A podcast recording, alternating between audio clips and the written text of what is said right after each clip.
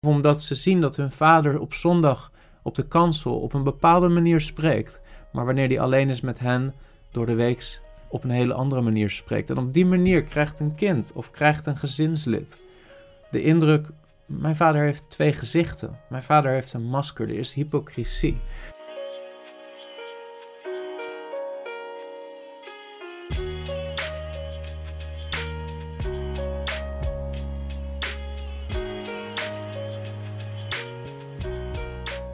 In de Efezebrief in over succes, daar lezen we over de geestelijke wapenrusting. En daar zien we dat het Gods wil is dat wij stand houden als christenen. Dat we overwinning ervaren in de geestelijke strijd tegen de zonde en tegen de boze.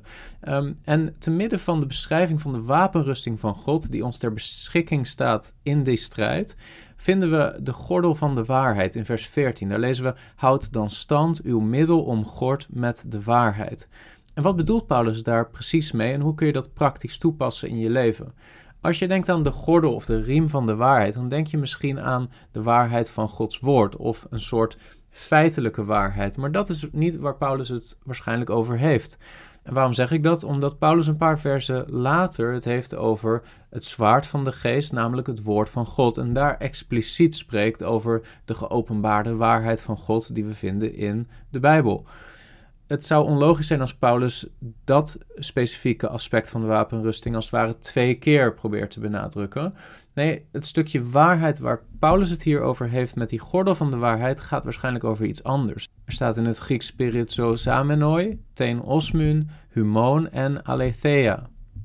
En aletheia staat hier voor waarheid, uh, maar je zou het ook kunnen vertalen als eerlijkheid eh, dat het niet zozeer gaat om waarheid in theoretische zin, zo van dit is ware doctrine, maar dat het gaat om waarheid in jouw leven. Met andere woorden, het tegenovergestelde van hypocrisie of acteren. En we lezen ook in de woorden van de Heer Jezus dat de Heer Jezus misschien aan niets zo'n grote hekel had als aan hypocrisie, aan huigelarij. We vinden in Matthäus 23, vers 1 tot 5. Daar staat: Toen sprak Jezus tot de menigte en tot zijn discipelen. De schriftgeleerden en de fariseeën zijn gaan zitten op de stoel van Mozes. Daarom, al wat ze zeggen dat u in acht moet nemen, neem dat in acht en doe het. Maar doe niet overeenkomstig hun werken, want ze zeggen het, maar ze doen het zelf niet. Want ze binden zware lasten, ze binden lasten samen die zwaar zijn en moeilijk om te dragen en zij leggen ze op de schouders van de mensen, maar ze willen die zelf met geen vinger verroeren. Al hun werken doen zij om door de mensen gezien te worden, want ze maken hun gebedsriemen breed en de kwastjes aan hun kleren groot. In vers 3 wil ik benadrukken wat de Heer Jezus zegt. Ze zeggen het, maar ze doen het zelf niet. En je kunt het woord voor, voor hypocrisie of hypocrieten kun je ook vertalen als acteurs. In, in de ogen van de Heer Jezus waren de fariseeën waren een stel religieuze acteurs. Die, die een bepaalde leefstijl uitdroegen met hun woorden, maar die leefstijl zelf niet uitleefden in hun eigen leven of op alle gebieden van hun leven. En zodoende waren het mensen die eigenlijk compartimentaliseerden. Ze hadden een stuk van hun leven wat ze wilden laten zien naar de buitenwereld. En er was een ander stuk van hun leven wat op gespannen voet stond met dat religieuze met die religieuze saus die aan de buitenkant zat. En wat, wat Paulus zegt met de gordel van de waarheid is: wij moeten één zijn. We moeten waarachtig zijn. We moeten eerlijk zijn. We moeten niet uh, een andere indruk willen achterlaten op mensen dan die van wat en wie wij echt zijn. En we lezen ook in Matthäus 23, vers 25 dat de Heer Jezus zegt: Wee u schriftgeleerden en fariseeën, huigelaars, want u reinigt de buitenkant van de drinkbeker en van de schotel, maar van binnen zijn ze vol van roofzucht en onmatigheid. Blinde fariseer, reinig eerst de binnenkant van de drinkbeker en de schotel, zodat ook de buitenkant daarvan rein wordt. Wee u schriftgeleerden en fariseeën, huigelaars, want u bent als de witgepleisterde graven die van buiten wel mooi lijken, maar van binnen zijn ze vol doodsbeenderen en allerlei onreinheid. Zo lijkt u ook wel van buiten rechtvaardig voor de mensen, maar van binnen bent u vol huigelarij en wetteloosheid. Zie je, de fariseeën waren niet waarachtig. Ze waren niet eerlijk richting God. Ze waren niet eerlijk richting de mensen om hen heen. Ze, ze schermden hun kwetsbaarheid en hun zwakheid en hun zondigheid af van de religieuze indruk die ze wilden maken op de buitenwereld. En we lezen verder in Handelingen hoofdstuk 5, als we het hebben over de eerste christelijke gemeente, hoe, hoe ernstig God dit probleem ziet van huichelarij of van oneerlijkheid. We lezen daar over de geschiedenis van Ananias en Sapphira, Handelingen 5, vers 3. We kennen de voorgeschiedenis. Er waren in die tijd veel mensen in de gemeente die landgoed wat ze hadden, akkers, bezit, verkochten en een opbrengst daarvan brachten aan de voeten van de apostelen, aan de voeten van onder andere Petrus. En dat geld gaven aan de gemeente eh, om de gemeente als geheel te steunen. En terwijl verschillende discipelen dat doen, zien we dat ook een echtpaar van eh, genaamd Ananias en Sapphira een landgoed verkoopt en doet alsof ze de hele opbrengst daarvan aan de gemeente geven, leggen aan de voeten van de apostelen, terwijl dat niet zo is. Ze houden een deel van de opbrengst achter. En dan lezen we in Handelingen 5, vers 3. Terwijl Ananias pretendeert alles te hebben gegeven, um, zegt Petrus: Ananias, waarom heeft de Satan uw hart vervuld, zodat u gelogen hebt tegen de Heilige Geest en een deel achtergehouden hebt van de opbrengst van het stuk grond? Als het onverkocht gebleven was, zegt Petrus, bleef het dan niet van u? En toen het verkocht was, bleef de opbrengst dan niet tot uw beschikking. Waarom toch hebt u deze daad in uw hart voorgenomen? U hebt niet tegen mensen gelogen, maar tegen God. En we weten hoe het verhaal verder gaat. Ananias valt ter plekke dood neer. En later komt ook Safira binnen. En hetzelfde herhaalt zich. Ook zij pretendeert alles te hebben gegeven van de opbrengst van dat stuk land. Um, en liegt tegen de Heilige Geest, liegt tegen de apostelen, valt dood neer.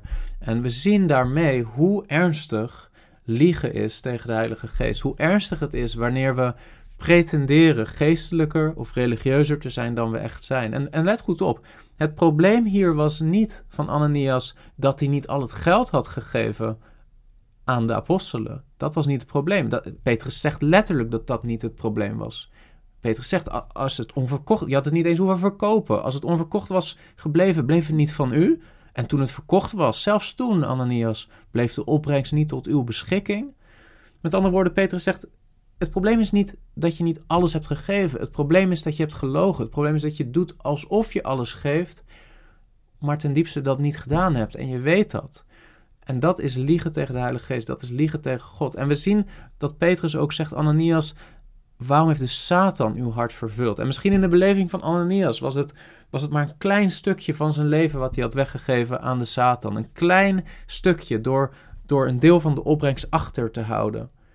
Maar Petrus zegt: nee, nee, Ananias. De Satan heeft je hart vervuld. Hij heeft, hij heeft volledige controle over je gekregen, omdat je doet alsof. Omdat je een hypocriet bent, een acteur, een huigelaar.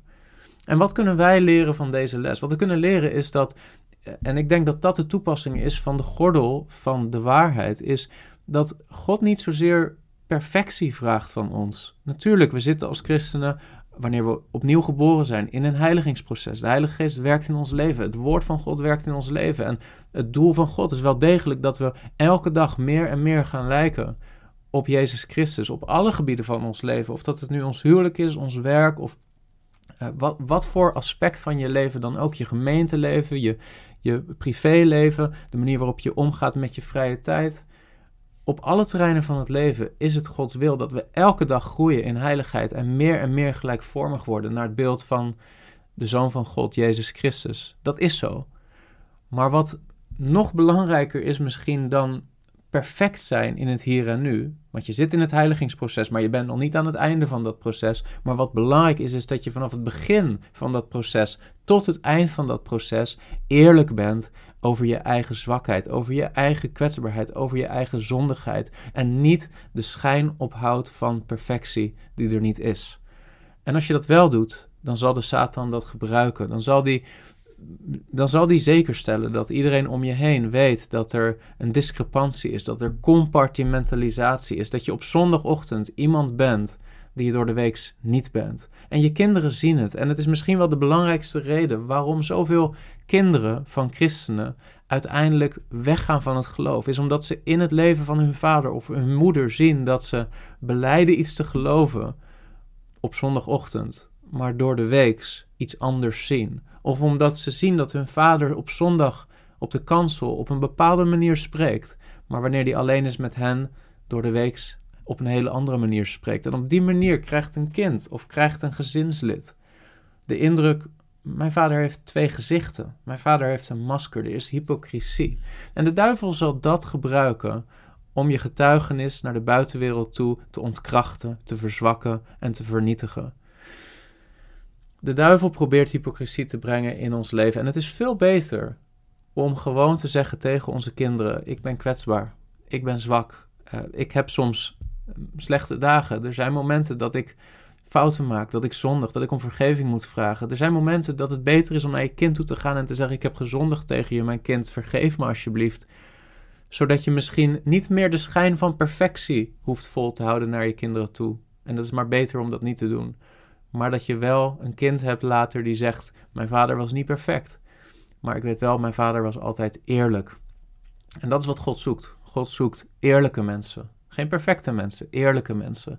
Johannes de Doper, hij predikte een boodschap van bekering. En min of meer zei Johannes de Doper: Jullie zijn zondaren, bekeer je. En de mensen die uiteindelijk tot Johannes kwamen en zich lieten dopen, waren niet de perfecte mensen, maar het waren eerlijke mensen. Het waren de mensen die erkenden: Ja, Johannes, wat jij zegt is waar, ik ben een zondaar. En ik weet dat ik het oordeel verdien, Johannes. Doop me alsjeblieft met een doop van bekering. Ik wil me bekeren. Bekering is, is alleen maar beschikbaar voor mensen die eerlijk zijn, niet voor mensen die perfect zijn. En dat was waar in feite de grote filter was bij Johannes de Doper tussen de mensen die zich lieten dopen en de fariseeën die het afhielden, die dat niet wilden doen. En dat had te maken met hypocrisie, het had te maken met huichelarij. En een belangrijke sleutel van een leven van overwinning over zonde en overwinning over de boze is dat je eerlijk bent. Dat je de gordel van de waarheid omdoet en besluit: ik wil alleen maar mijn leven leven in die cirkel van wat waar is. Ik hoef niet perfect te zijn, maar ik wil wel waarachtig zijn. En dat betekent dat je open bent en eerlijk bent over je kwetsbaarheden en tegelijkertijd niet de ambitie opgeeft om elke dag meer en meer te worden zoals onze Heer Jezus Christus. Ik hoop dat je iets hebt aan deze korte boodschap, binnenkort meer over de geestelijke wapenrusting. Misschien heb je deze video beluisterd en denk je: dit is toch geen apologetiek, maar met alle respect, dit is ook apologetiek. De duivel zal het christelijk geloof aanvallen op grond van het persoonlijk getuigenis van de mensen die het uitdragen. En ik hoop dat je ziet dat jouw getuigenis met je leven minimaal net zo belangrijk is als de consistentie van het christelijk wereldbeeld en het uitdragen daarvan. Als je iets gehad hebt aan deze video, druk dan op like. En wil je vaker dit soort apologetische video's zien, abonneer je dan op dit kanaal. God zegen.